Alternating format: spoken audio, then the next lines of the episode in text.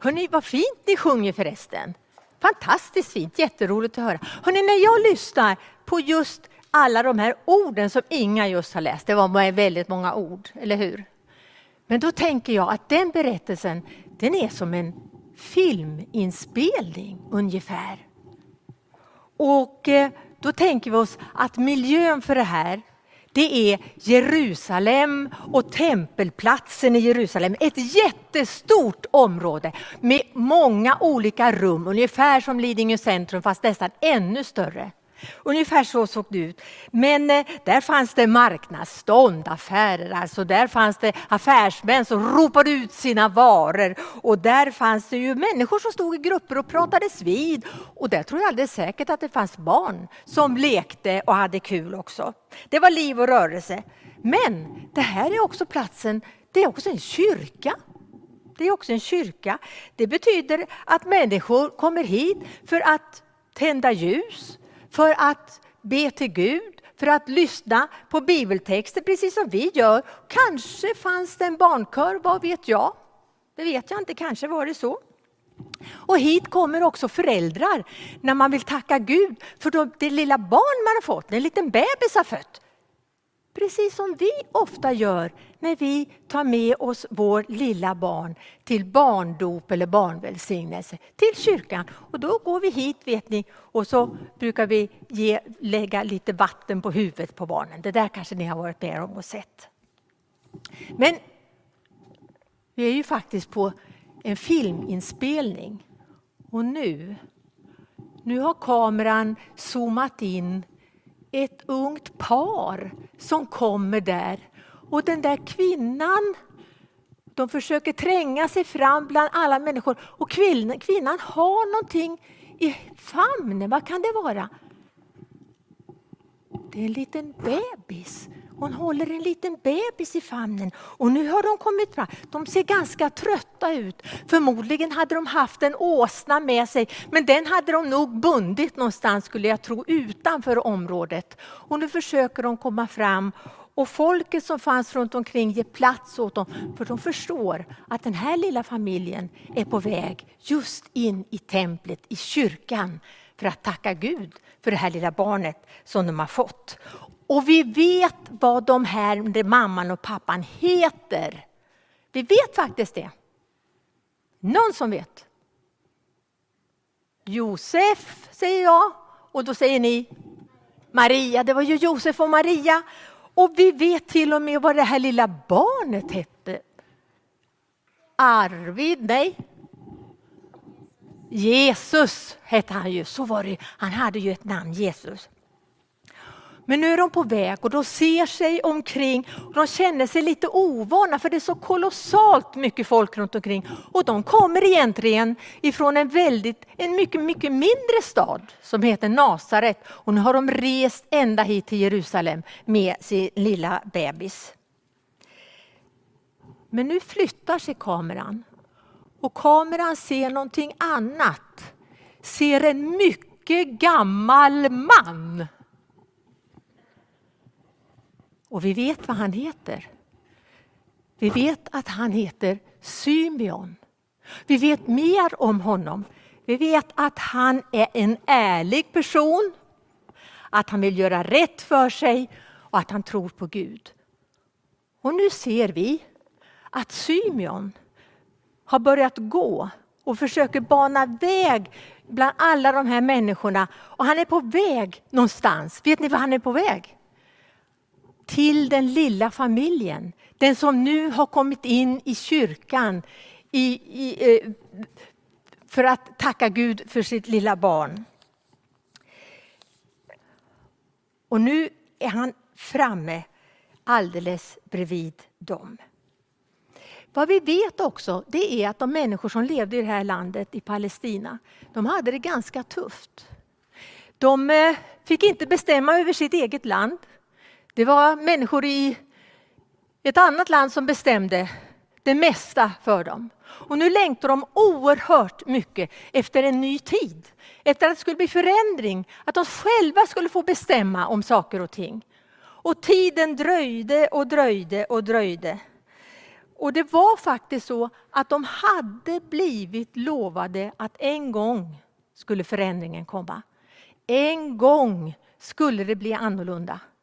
En gång skulle någon komma och befria de som då kände sig som fångar. Vem hade lovat detta? Jo, det här Gud hade lovat dem. Gud hade lovat det. Och det hade de hoppats på, det hade de trott på, det hade de litat till under åratal. Jag vet ni hur länge? Så där 400 år. Ja, kanske inte Symeon hade inte kanske gjort det i 400 år. Men hans föräldrar och generationer före honom. Och så hade man berättat om detta. Och så fick den här berättelsen leva vidare. En gång har Gud lovat, ska han sända en befriare, ska någon komma. Och hela livet hade Symeon hoppats och trott och litat på just det här att, att befriaren skulle komma. Men åren gick ju. Och nu var ju, ja, Symeon var lite äldre än dig, det måste jag ju säga. Ja, lite äldre än dig, så var det nog. Nu var han gammal. Och det var nog till och med så att han började fundera över, har jag missuppfattat det hela? Har jag missat något? Är det inte så att Gud kommer att skicka någon befriare? Har hela mitt liv varit onödigt på något vis när jag har trott på det här?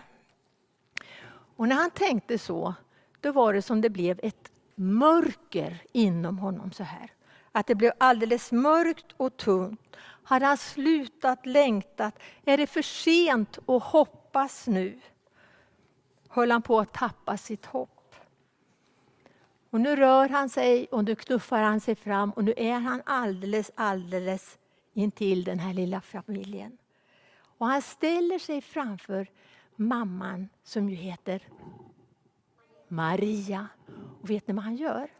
Han tar den här lilla bebisen i sin egen famn så här. Och så får bebisen ligga här. Och nu vet han, nu vet han att det är alldeles på riktigt alltihopa. Att det var inte förgäves. Nu vet han, ja men det är helt korkat, det är helt otroligt alltihop. Men det är det här som är befriaren som Gud skulle skicka. Det var det här som Gud menade när han talade om att ett ljus skulle komma i världen. Det var den här lilla bebisen. Och han kan inte förstå hur det egentligen förhåller sig, men han vet att det precis är alldeles, alldeles rätt. Inte någon krigare som kommer med skrammel, inga stora härer, utan en liten, liten bebis som skulle växa upp och som skulle berätta för oss mer om vem Gud var. Och så vet han att det är precis den här och så tackar han Gud. Och så vet vi, hörde vi också att en gammal kvinna fanns också här som hette Hanna. Hon hade på samma, precis på samma sätt levt med det här hoppet hela sitt liv. Och nu vet också hon, ja, där är den. Hoppet som jag har levt med, nu är det infriat. Här är han, han som är befriaren, Messias. De hade hoppats, de hade litat på Gud hela sitt liv. Så hade de gjort. Men det är inte bara det, för de visste det här med att det handlar inte bara om att hoppas, utan det fanns någonting viktigt i hoppet.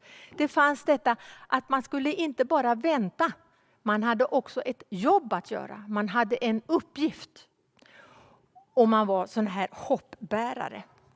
Och det uppgiften det var att berätta, att låta den här berättelsen leva vidare, att en gång ska det bli bättre. En gång kommer befriaren. En gång ska det bli annorlunda om det idag är svårt. Och de, deras uppgift var att berätta för folk om detta. Berätta och berätta, men också själva försöka vad de kunde göra för att göra saker och ting bättre. Idag behövs det också sådana här hoppbärare, skulle vi kunna kalla det. Va? Att bära hopp. Ja, det kanske man kan göra. Människor som eh, påminner om och är beredda att arbeta för fred i världen. Någon som vågar säga ifrån när eh, barn eller vuxna mobbas eller trakasseras. Och när människor som själva har svårigheter i livet och inte längre orkar hoppas själva. Ja, när de liksom har tappat sitt hopp, då är det faktiskt vi andra som får vara hoppbärare, som får finnas runt omkring och bära det hoppet för deras del. Och påminna om att Gud finns med i allas våra liv och att vi är beredda att hjälpa till och göra vad vi kan för att förändra, för att saker ska bli bättre i världen. Att liksom tända ljus och vara ljus i världen. Och faktiskt är det ju också så att ibland får vi vara med om att saker och ting löser sig på ett sätt som vi inte kanske har räknat med.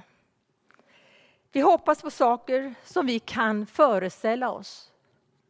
Men hoppet öppnar för det vi inte kan tänka ut. Det vi ännu inte har bilder av. Det vi ännu inte vet någonting om. Det är det vi kallar mysteriet. Mysteriet som finns därför att Gud finns hos oss. Amen.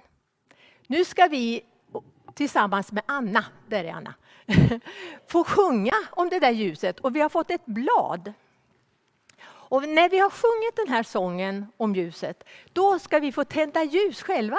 Och då så säger vi så här, att alla våra barn, sök upp mamma och pappa eller någon annan vuxen så att ni har dem bredvid er när ni tänder ljus. Det är alltid bra att ha. Eh, något annat som vi behöver säga? Nej, då gör vi så. Men vi sjunger först, Anna.